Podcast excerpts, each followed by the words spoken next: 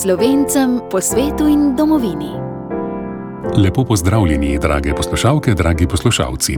V današnji oddaji bomo najprej povezani z Avstralijo, Sydneyjem, kjer so imeli pred časom praznovanje obletnice njihove cerkve.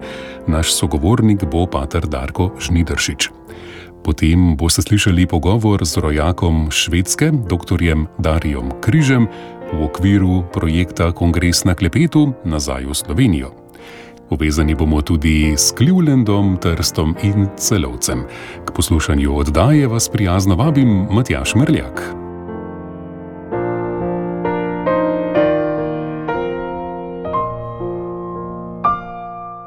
Slovenska crkva svetega Rafaela v Marylandu v Sydneyju letos praznuje 50 let, to smo slišali že v božičnem javljanju patra Darka Žnidršiča, no praznovanje pa so imeli pred 14 dnevi 5. februarja. Patr Darko je znova z nami na telefonski zvezi, lepo pozdravljeni, povejte nam, kako je potekalo to praznovanje. Ja, tole praznovanje je potekalo na vse lepo. Pred 50 leti je Škof Lenič, ko je bil na obisku med rojaki, blagoslovil našo crkvo in prav tako je vodil bogoslužne slavje drugot in v Melbournu in v februarja 1973 udeležil tamkajšnjega evharističnega kongresa.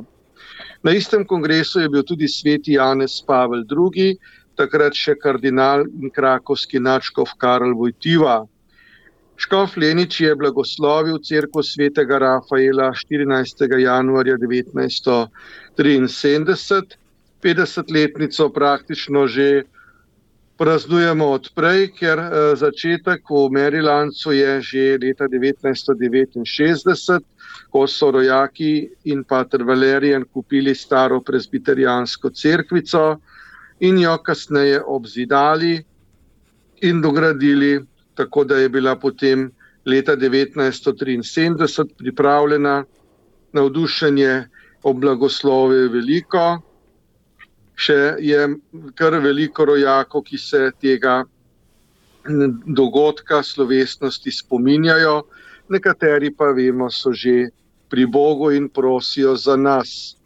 Naša praznovanja smo nanizali že prej in načrtovali že prej, zaradi znanih razmer, pa smo nekaj praznovali pozneje, tako je Zlati Sredi Rafael in tudi naš zbornik izšel lansko leto. Praznovali smo na praznik svetega Jožefa, letos pa 5. februarja skupaj s provincialom patrom Marenom Čudnom in pa provincialnim tajnikom patrom Tadejem Strehovcem pozdrave sporočam tudi od njiju obeh in m, lahko rečemo, da je bilo navdušenja veliko in a, veliko smo tudi kot bratje doživeli, preživeli skupaj, si šli kaj pogledati.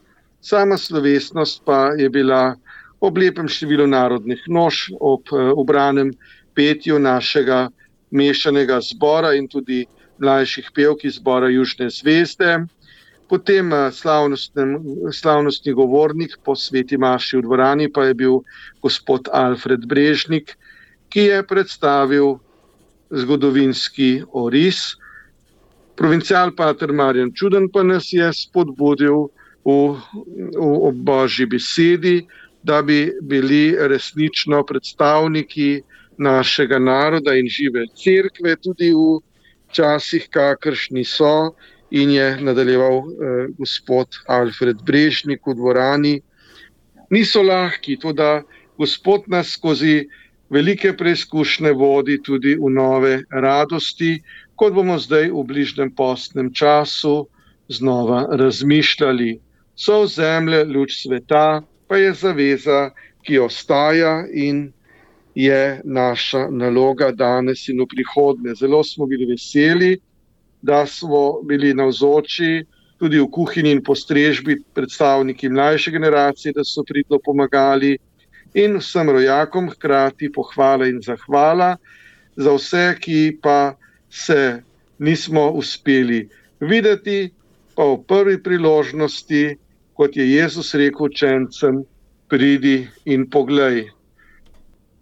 Ja, Pater Darko, morda če nam še kaj poveste o zgodovini vaše cerkve, vašega misijona, pa morda o kakšnih pomembnih rojakih.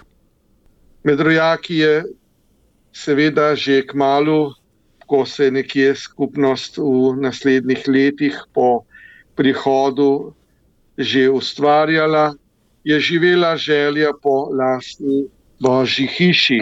Ko so imeli najprej akcijo za slovenski dom, torej slovensko društvo Sidne, ki bo praznovalo že 66. obletnico, je pater Valerijan, ki je prišel v Sidnej pred skoraj 60 leti, tudi začel akcijo za skupen dom v Bogu. Slovenski rojaki so se zbirali v različnih crkvah, na različnih krajih, božjim službam, vendar seveda spet je bilo odvisno, kako, kje so dobili prostor ali ustrezno uro, ali pač niso mogli eh, praznovati po slovensko, slovenskimi običaji, tudi kakšne jaslice božji grob so morali takoj podreti, ko so končali sveto mašo. In Seveda, ko si na svoji zemlji, se spet pozna, se res počutiš doma, lažje uresničiš tudi življenje slovenca in slovenskega kristjana in seveda žive cerkve. In tako je po večletnih prizadevanjih z nakupom zemlišča in po načrtih inženirja Ivana Žigona po nabiralnih akcijah z delom in darovi rojakov nastala ta veličastna stavba, crkva svetega Rafaela, ponos vseh naš slovencev v naslednjih letih, pa še dvorana, ki jo je blagoslovil Načkov Šuštar pred 40 eh, leti in zraven je bil pozidan tudi sesterski dom, ko smo nekoč imeli še sester frančiškanke, sedaj pa je pač namenjen našim bratom, frančiškanom. Potem v vseh letih se s hvaležnostjo spominjamo zaslužnih rojakov, pa tudi teh, ki so skritimi žrtvami in molitvijo spodbujali, podpirali in še podpirajo našo crkvo in misijon, in pa seveda vseh sobratov, frančiškanov in sester se s hvaležnostjo spominjamo. In eh, ob vseh najrazličnejših dejavnostih in prireditvah smo imeli vrsto skupin, med, med tistimi, ki še danes delujejo, je molitvena skupina Srca Jezusovega, ki je ubeležila že Kristusova leta. Naslednji mesec praznujemo 20-letnico arhivske organizacije Hasa New South Wales. Radi pa se, kar je najlepše, družimo po svetih mašah, ob nedeljah pri kavi in pecivu in se srečamo ob različnih priložnostih. Ravno v našem Merilancu je bilo v letu, ko smo se že pripravljali na samostojno Slovenijo, je bilo ustanovljeno Društvo za podporo demokracije v domovini s namenom, da pomaga demokratičnemu gibanju v domovini. In prav tako ob času olimpijskih iger je Maryland odigral pomembno vlogo, potem ob svetovnem dnevu mladih pred 15 leti smo bili tukaj slovenski romari in rojaki, in mnogokrat smo bili deležni raznih obiskov predstavnikov slovenske cerkve, slovenske države, kulturnikov in upamo, da se srečamo še s kom po znanem premoru, ko smo morali biti, ostajati doma in počakati, da je koronavirus mimo, seveda čisto mimo, ne vemo, še ni, vendar previdnost velja, skrb za zdravje velja. Ja, zanimivo je tale eh, pogled nazaj, eh, Patar Darko. Kakšen pa je morda vaš pogled, eh, pogled skupnosti naprej, torej v prihodnost? Seveda je vprašanje, kakšna je naša bodočnost ali kot bi popravil pokojni Načkov Perko, Slovenci imamo prihodnost. Res je, da starejši rojaki odhajajo, da marsikdo ne more več toliko polno sodelovati kot nekoč. Vendar zelo je pomembno, da se vedno nekaj velikega ali pomembnega dogaja in tako je znova navdušenje in skupnost znova oživi. Starejši se poslavljajo, so pri Bogu naši priprošniki, tisti, ki so že pri Bogu, ostaja pa množica naslednikov, to so druga, tretja in celo že četrta generacija. Marsikdo ne govori več slovensko, zavedajo pa se svojega rodu, so ponosni na njega in tudi z novimi možnostmi, tudi zanimanja, eh, tako za slovenstvo ali za državljanstvo, eh, je tako živo, upamo, da bo tudi za slovenski jezik. Poleg tega, kot kakor smo ponosni, seveda ne moremo brez krize in križev. Vendar prepričani smo, da tudi to pomaga, da bomo previharili viharje, kakor smo jih doslej, in da bomo optimistično in zaupanjem v božjo previdnost nadaljevali to pomembno poslanstvo pod Južnim križem in ustvarjali skupni dom v Bogu in slovenski dom tukaj, prelepem, sončnem Sidneju, v vseh letnih časih in kakor je božja volja. Pater Darko, hvala za ta opis slovesnosti, torej praznovanja, tudi pogled v zgodovino, pa hkrati tudi naprej. In res želimo, da bi ta slovenska crkva svetega Rafaela živela tako, kot je tudi naslov v vašem kraju Maryland, torej veselovo, v veselem vzdušju, še naprej.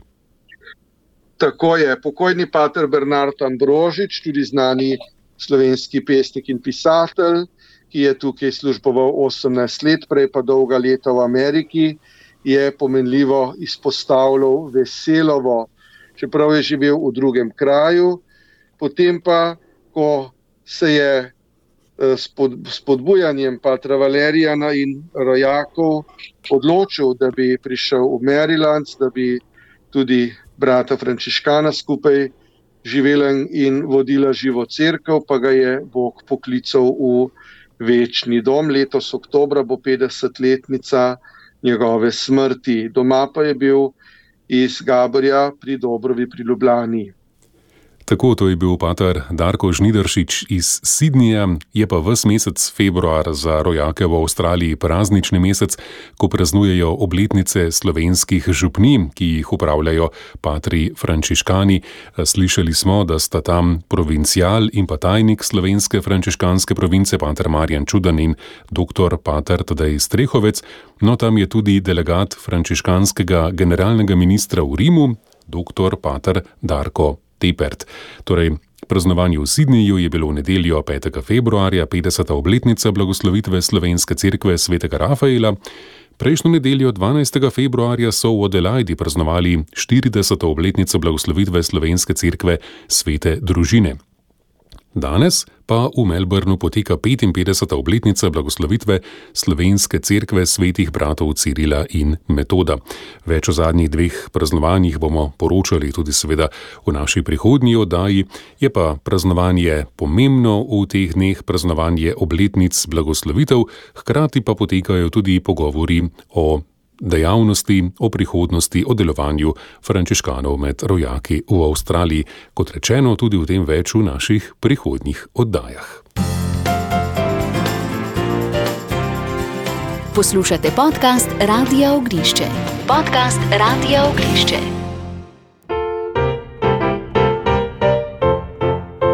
Poslušate oddajo Slovencem po svetu in domovini.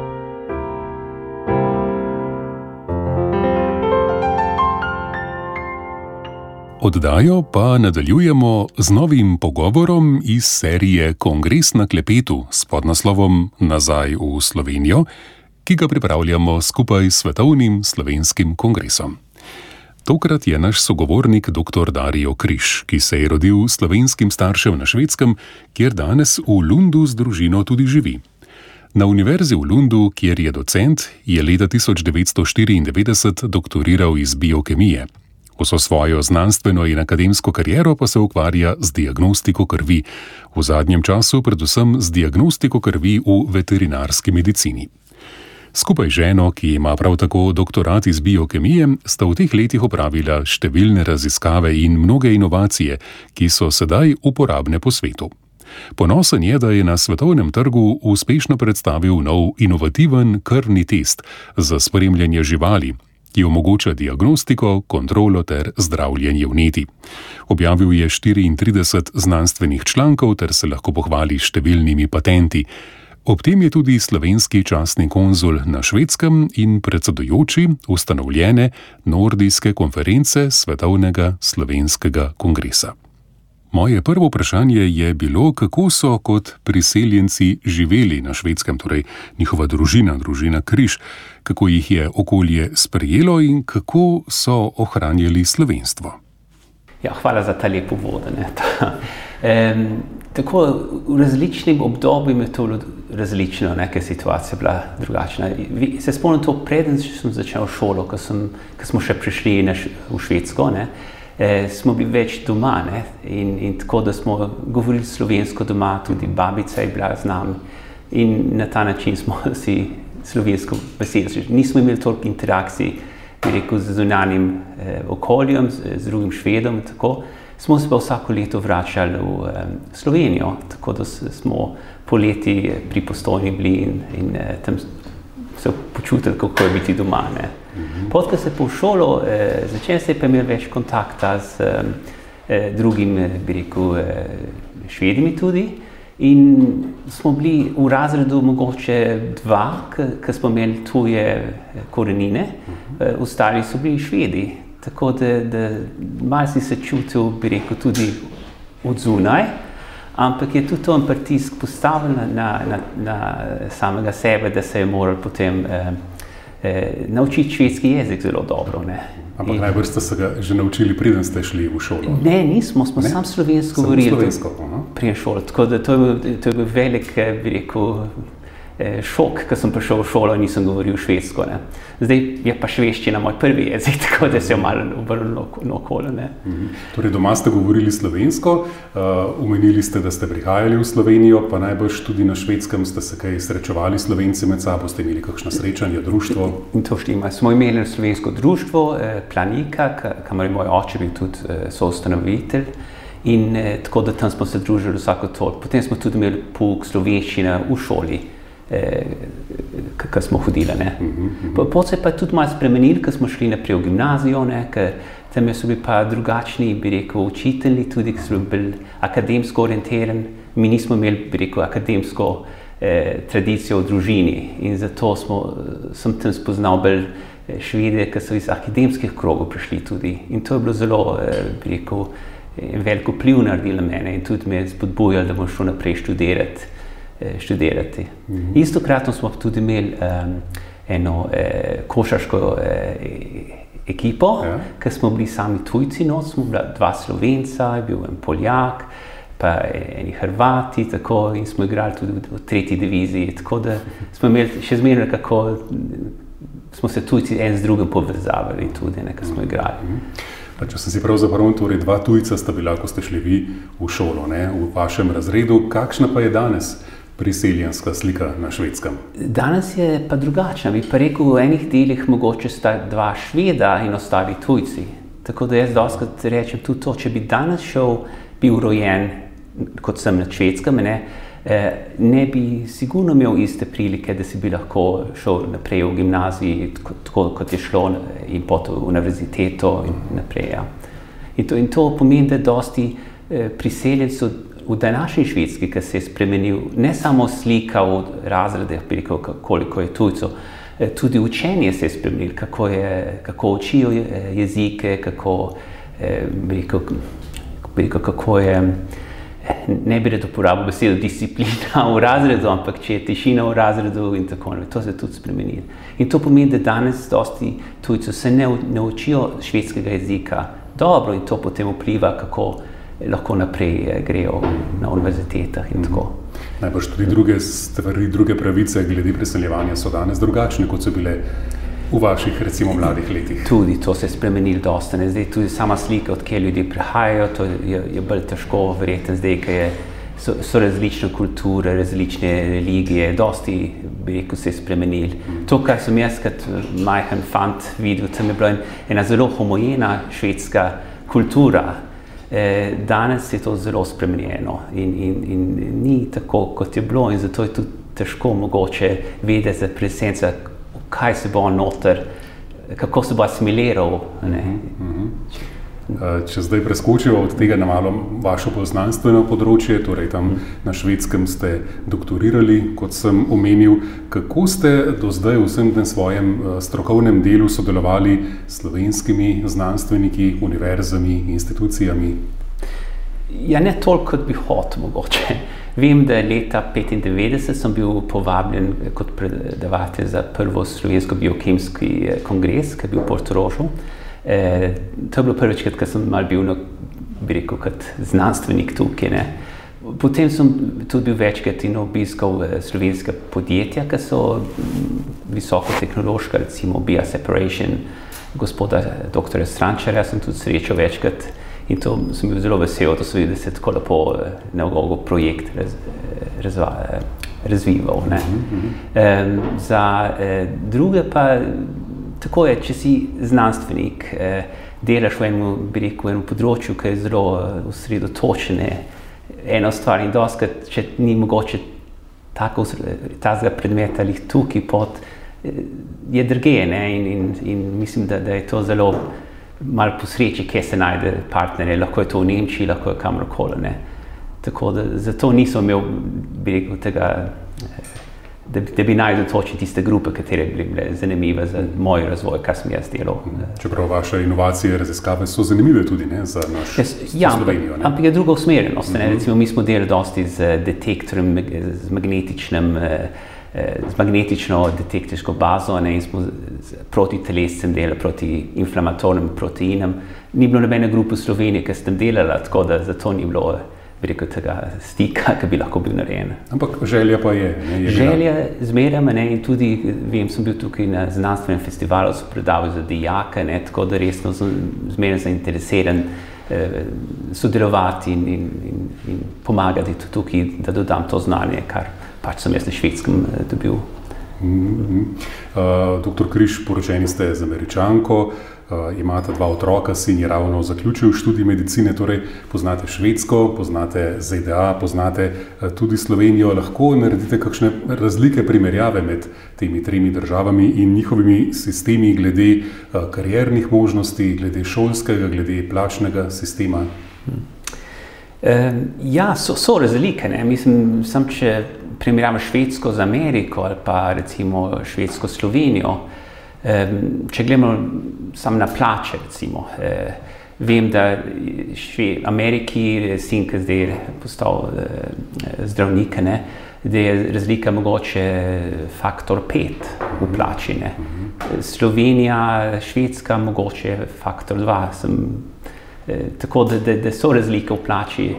Um, karijera tudi verjetno, čim večja država, več eh, priložnosti se ponujajo in tako, da, da zato je mogoče težko nazaj. Eh, ja, eh, potem te, te, Ja, šolski sistem, šolski, ja. šolstvo. Ja. In to je tudi zanimivo. Recimo v Ameriki šolski sistem se ga plačuje, je zelo draga. E, na švedskem je totalno eh, zastojna. Mislim, plačuje se preko davka. Eh, in to, to je zanimivo, ker na švedskem lahko se začne eh, študirati tudi, če se je 50 let in katerikoli faks, vse gre na eh, sprečevalem, ki se je imeli iz gimnazije. To pomeni, da ni, se ima zmeraj eh, priložnost, da se gre naprej v študijah. In to tudi dosti švedov uporablja. To. Zdaj ne vem v Sloveniji točno, ampak mislim, da je omejitev, koliko fakultete sme delati. Ja, tako omejitve opisa. Ja. Ja. Tako da jaz sem zelo za to, da se pusti znanje. Znanje mora biti dostopno za vse, ne glede ekonomske, bi rekel, eh, situacije, družin, ali, tako da vsi imajo isto priložnost. Ne. In to na švedskem je možno, v Ameriki ni. Mm -hmm. Ja, veliko ljudi si želi, da bi Slovenci, tako kot ste vi, ki živite na tujem, Slovenijo obogatili s svojim znanjem. Kaj bi po vaše Slovenija morala storiti, da bi bilo več tega? Ja. O tem sem dosti razmišljal. Vem, da imam, eh, včasih imam ta predavanje, kako se lahko primerjava švedsko eh, znanje, kako za znanje eh, rata biznis, če tako rečemo. Um, jaz mislim, problem je to, ker v te primerjavi, ki delam, da je približno štirikrat več ta švedska eh, na razvoj, eh, bi rekel, kot Slovenija, na, na eh, prebivalca per capita. In, in če se gleda, in to je totalno, ne, če se gleda samo to, kar je, bi rekel, eh, eh, kar se da od, eh, od davčnih sredstv za razvoj, ne, je pa razlika še večja. Eh, in, in ni to toliko čudno, Zato, ker če se gleda, recimo, pla, poprečna plača v Sloveniji je mogoče še enkrat toliko kot, eh, manjša kot eh, na švedskem. To pomeni, da tudi davčni sistem ne, ne more toliko denarja notobiti, da bi bilo za razvoj. Ne? In jaz mislim, da, da, da se bi to spremenili, se mora začeti s tem, da, da začnemo osredotočiti na to, da, da plače morajo iti gor, na splošno za vse. S tem se bo tudi prihodke davkov povišal ne, in investicija v, eh, v razvoj, s tem se ne bo izgubivali znanstvenike v tujino in se bo lahko tudi znanstveniki iz tujine nazaj. Eh, to bi bilo moje mišljenje. Mm -hmm. Ampak to ni, to ni nekaj, kar se lahko spremeni v, v enem letu, ne, to se mora imeti en, en, en strategijo. Tako kot švedi imajo to strategijo, da, da ne grejo ven, da konkurirajo s plačami, ampak plače hočejo imeti čim više, zato ko vejo, to je baza eh, celega socialnega sistema in razvoj, za razvoj za vse druge stvari, ki se malo v državi, ki se rabi denar za. Mm -hmm. Mhm. Ja, da je. Slišimo, da ste zelo povezani s Slovenijo, da veliko krat pridete sem, da tudi vaša mama, če se ne motim, se je preselila v Slovenijo. Tudi vi razmišljate, da se boste morda preselili, morda ob koncu vaše poklicne kariere? Ja, to je zmerno bosaj. Jaz, ko sem bil vem, deset let star, smo, smo imeli en intervju, se spomnim, ki je bil eh, v Planiki, v društvu Gor. In so eh, podke članek so objavili, ker niso bili eh, starši zdravi, ne pa, pa je bil eh, naslov bil Vrnem se v Slovenijo, pa če tudi sam. Tako da, da mislim, restem, da, da to je bil zmerno moj sanje. Ampak, ko se ima družino, ko začnejo eh, otroci so v šolah, tako nekako se je težko ta premik spet eh, narediti. Eh, no, zdaj so naši otroci že odrasli. Ne? Je pa izziv, to je kakšen izziv, kaj bi se, kakšen projekt se bi delali tukaj. To je tisto, kar me bolj zanima. Tudi z veseljem bi prišel, z veseljem bi nekaj. En, en zanimiv izziv vzel na sebe, in, in potem bi se videla, kako in kaj. Eh, Um, ja, in tudi žena bi bila vesela, da v Slovenijo pridete. Ne, da, ja, kako je ženi, otrokoma všeč Slovenija? Z, tudi zelo. Ne. Žena prije iz Kalifornije, prav zmeraj tukaj imamo tukaj vse, je, je morje, je, je narava je fantastična um, in, in vreme tudi ne, boljše. Ne. Tako da ona bi se kar hitro dol preselila. Uh mhm. -huh. otroci, otroci tudi ne, so, so zelo navezani, pridete že večkrat, sama sem prišla, hčerka in sin in tako da hodila v slovenske šole, tukaj na Aha. poletno slovensko šolo. Kaj, tako da slovensko tudi znate, se znate. Oba dva govorita slovensko, ja. Zelo lepo, zelo lepo. Ja, doktor Križ, hvala za ta uh, zanimiv in poučen pogovor v, na Svetovnem slovenskem kongresu in veliko uspeha pri vašem delu in tudi pri povezovanju slovencev na švedskem. Hvala lepa, da ste me povabili tukaj na ta intervju. Hvala. Naš sogovornik je bil torej dr. Darijo Križ, naš rojak švedske, tudi častni konzul naše države tam, živi v Lundu in je predsedojoči Nordijske konference Svetovnega slovenskega kongresa. Eh, video posnetek tega pogovora si lahko ogledate na spletni strani Svetovnega slovenskega kongresa in tam najdete tudi druge pogovore iz te serije Kongres na klepetu nazaj v Slovenijo. Poslušate podcast Radio Ognišče. Podprite nas s svojo oceno.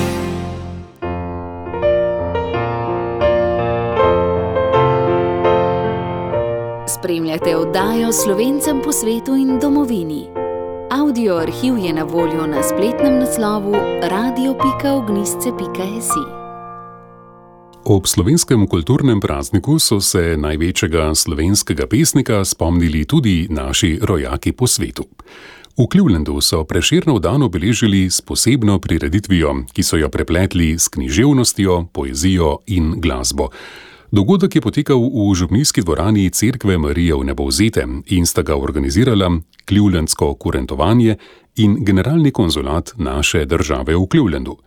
Generalna konzulka Alinka Jerak je zbrane v župnijski dvorani takole nagovorila. 8. februarja, na dan smrti pesnika Franceta Preširna, praznujemo državni praznik Preširnov dan, dan slovenske kulture. Zakaj ravno kulture? Saj tega ne praznuje prav nihče na svetu. Morda res ne. Ampak Ali kultura ne predstavlja lastnost človeške družbe, ki se rojeva iz ljudi in za ljudi? Kultura smo mi sami. Je odsev tega, kako živimo, pozdravljamo, se obnašamo, razmišljamo, govorimo in pišemo. Tudi to, da smo odprti, razumevajoči in solidarni do tistih, ki jim je življenje manj naklonjeno in da spoštujemo morebitno drugačnost. Da, tudi to je kultura, tista srčna, ki jo nosi vsak v sebi ali pač ne. Vendar imamo slovenci tehten razlog za praznovanje. Kot majhen narod v težkih časih burne evropske zgodovine, brez kulture ne bi preživeli in ne bi obstali kot narod. Z njo smo ohranjali slovensko besedo, ples, navade, krepili narodno identiteto in samozavest in si pred malo več kot 30 leti izborili svojo svobodo. Zato je prav, da ta praznik praznujemo tudi kot državni praznik. Slovesno, ponosno in zdvignjeno glavo tako kot preširen, ki je, čeprav veliko krat nerazumljen in podcenjen, vedno verjel v lepšo prihodnost, svobodo in prijateljstvo. Tudi zato so njegovi navduhajoči verzi besedilo državne himne naše domovine. Danes slovenski jezik govori dva in pol milijona ljudi in je enakovreden drugim svetovnim jezikom. To je velika prednost in pridobitev slovencev, ki pa jo je potrebno nagovati in ohranjati. Še posebej pri mlajših generacijah.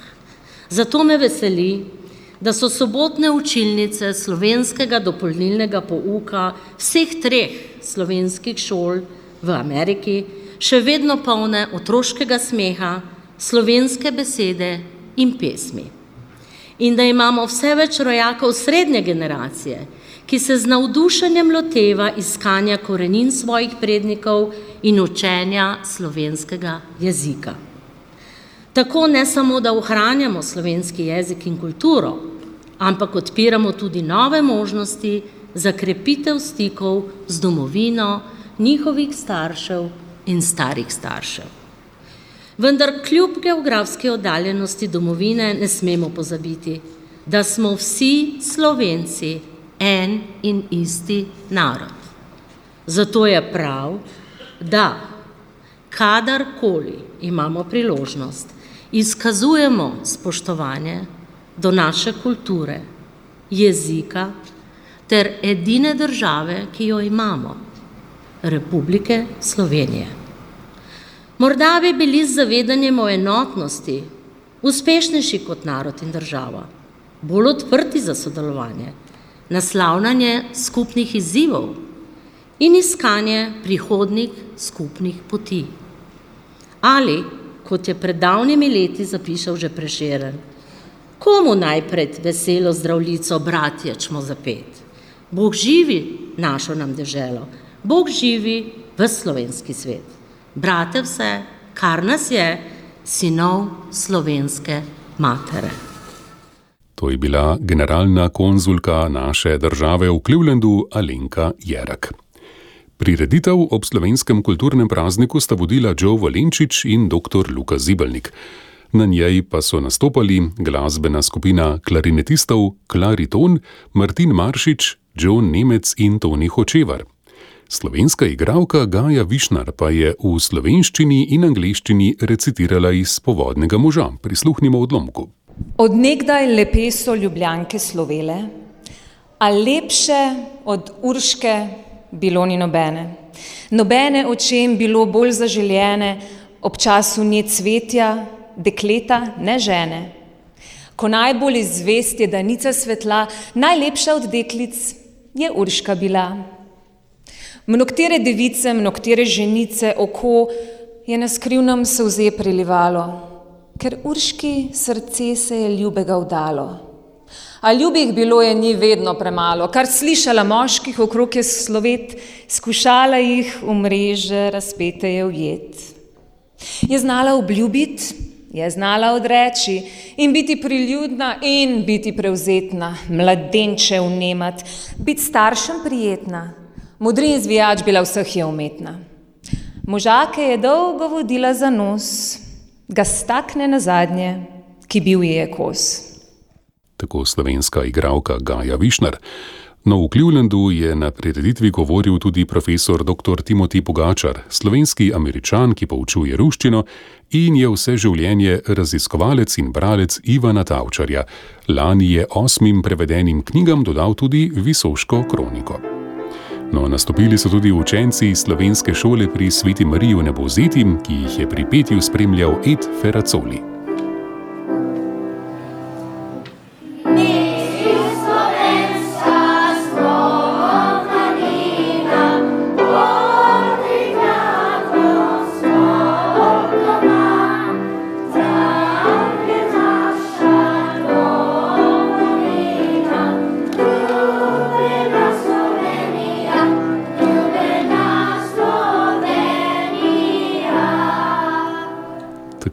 Učenci slovenske šole pri Sveti Mariji v Neboziti, no nastopila pa sta tudi igralca Mark Anderson in Izabele Kralj iz teatra Gigante, ki sta recitirala pesmi Srečka Kosovela v obeh jezikih.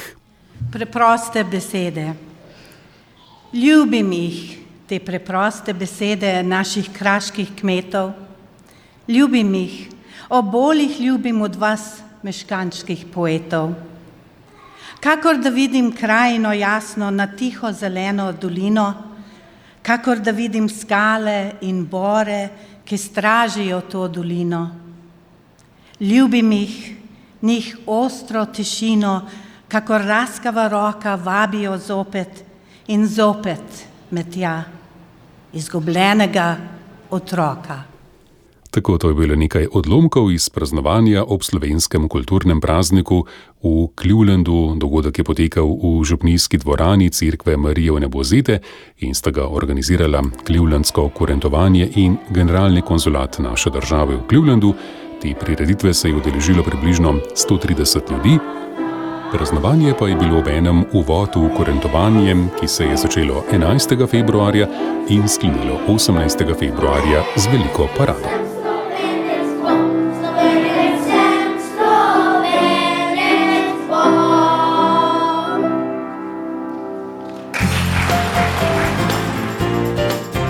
Poslušate podcast Radio Ognišče. Podprite nas in postanite prijatelj Radio Ognišče.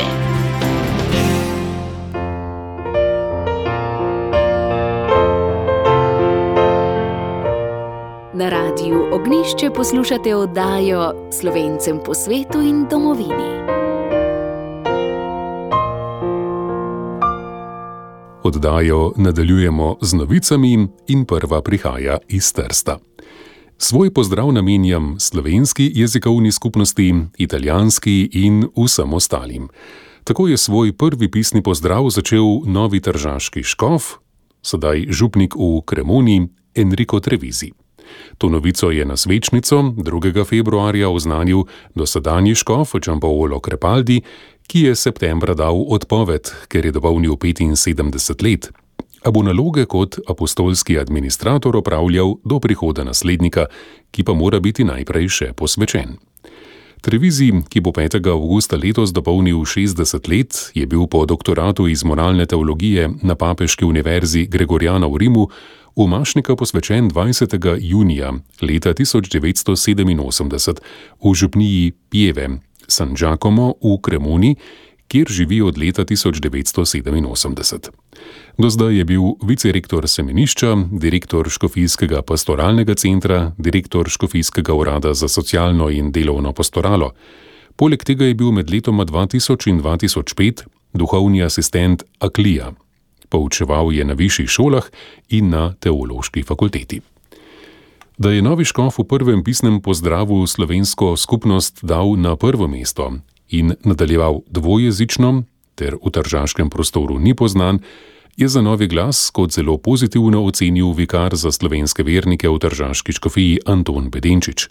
Dejal je še, da so v Rim sicer poslali prošnjo naj upoštevajo slovensko stvarnost pri iskanju kandidatov in da naj imajo za slovensko skupnost posebno skrb. Kot je še moč razbrati iz pozdravnega pisma, je Trevizi bodočo škofijo dobro preučil in mu je znano, kako močno so Slovenci ukoreninjena realnost in pravzaprav avtohtona skupnost, ki ima svojo težo in pomen. Bodočemu škofu je dobrodošlico izrekla tudi senatorka Tatjana Rojc in mu obljubila pomoč pri spoznavanju krajevne stvarnosti, pa piše Primorski dnevnik.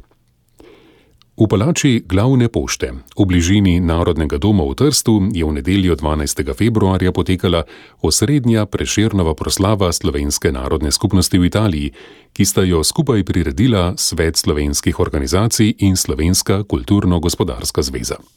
Slavnostna govornica je bila Mataja Zorn, vezna nit programa pa glasba in sicer pod naslovom Simfonični zvoki. Nastopili so kar trije slovenski zamejski zbori: Jakobus Galus, dekliški pevski zbor Igo Gruden in fantovska skupina Devin na Brežina.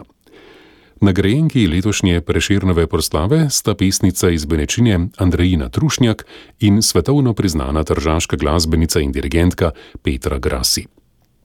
Dan kasneje, v ponedeljek 13. februarja, pa je bila v Petrlinovi dvorani v Trstu še preširnova proslava slovenske prosvete pod motom In gnale bodo nov cvet bolj veselo. So nastopile glasbenici Maja Lokateli in Tamara Staneze, igralka Nikla Petruška Panizon, kiparka Zalka Aranšek in pisateljica Evelina Umek. V petih letih potrojiti število nočitev, postaviti sodoben sistem za sprejem turistov, napraviti močno promocijo, da sta Benečija in Rezija destinaciji, ki nudita turistom lepe kraje, čudovito naravo in bogato kulturo.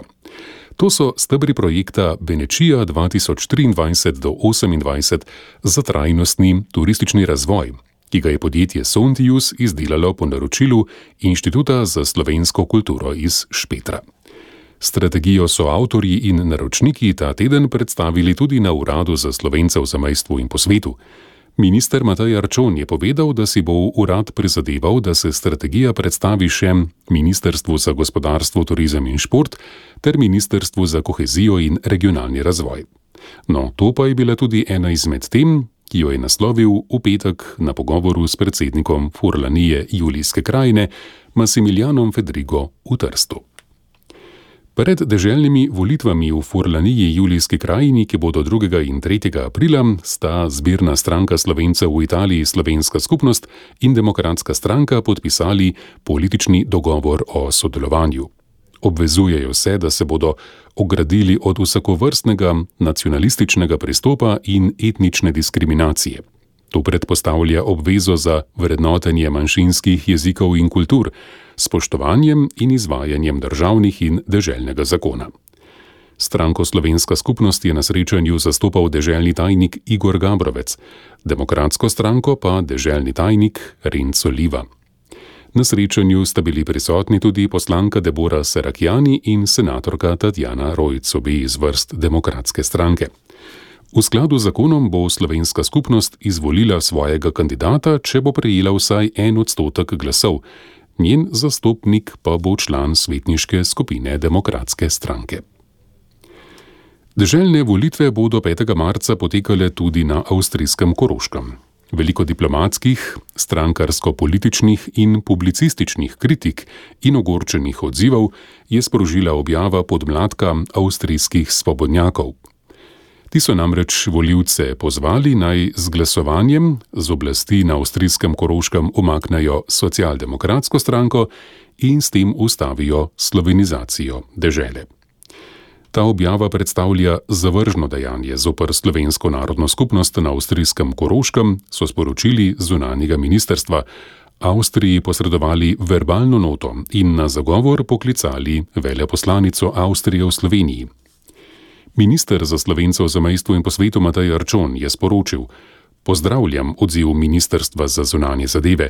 Pomembno je, da je Slovenija dosledna v zaščiti pravic slovenske narodne skupnosti na Koroškem, ter da se odločno odzove na pojave, ki so protievropski in nas na mesto v prihodnost obračajo v preteklost.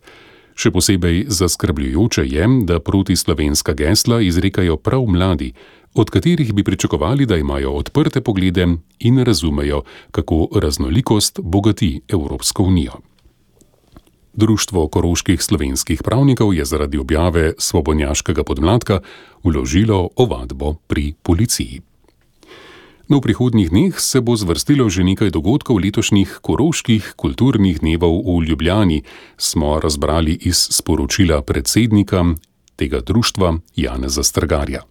Na pepelnično sredo 22. februarja ob 17. bo v dvorani Slovenske matice predstavitev knjige Mamin glas avtorice Helge Mračnikar ter predvajanje filma Andri 1924 do 1944 režiserke Andrine Mračnikar. Pogovor s Helgo Mračnikar bo vodila Lidija Golc. Dan kasneje, v četrtek 23. februarja ob 17. bo v kletni dvorani Galerije Družina predavanje oziroma predvajanje dokumentarnega filma Roš Road Movie in pogovor ter predstavitev dela Slovenskega inštituta na Dunaju. Sodelovali bodo Štefan Pinter, Augustin Male, Herbert Zer, Vinko Rajšp. V soboto 25. februarja ob 11. pa bo v mini teatru Ludkovna predstava Krtek na besedilo Brede Varl v izvedbi Ludkovne skupine Mladi celovčani Slovenskega kulturnega društva Celovec. No, še več dogodkov letošnjih koroških kulturnih dni v Ljubljani bo v mesecu marcu, torej v prihodnjih tednih, in o tem bomo seveda pravočasno poročali. Poslušate podcast Radia Ognišče. Podcast Radia Ognišče. In to je, drage poslušalke, dragi poslušalci, vse za tokrat. Za pozornost se vam zahvaljujem, Matjaš Mrljak. Lepo preživite nadaljevanje današnje pustne nedelje, tudi pustni ponedeljek in torek, ter seveda lep vstop v postni čas vam želim in vabim k poslušanju znova na prvo postno nedeljo ob isti uri na istem programu vse dobro in z Bogom.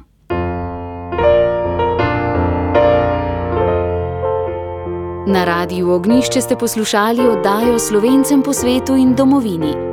Na sporedu je ob nedeljah ob 17. uri, ponovitev ob ponedeljkih ob 24. uri. Arhiv oddaj in sveže novice na spletni strani radio.ognisce.si. Oddajo sofinancira Urad Vlade Republike Slovenije za slovence v zamejstvu in po svetu.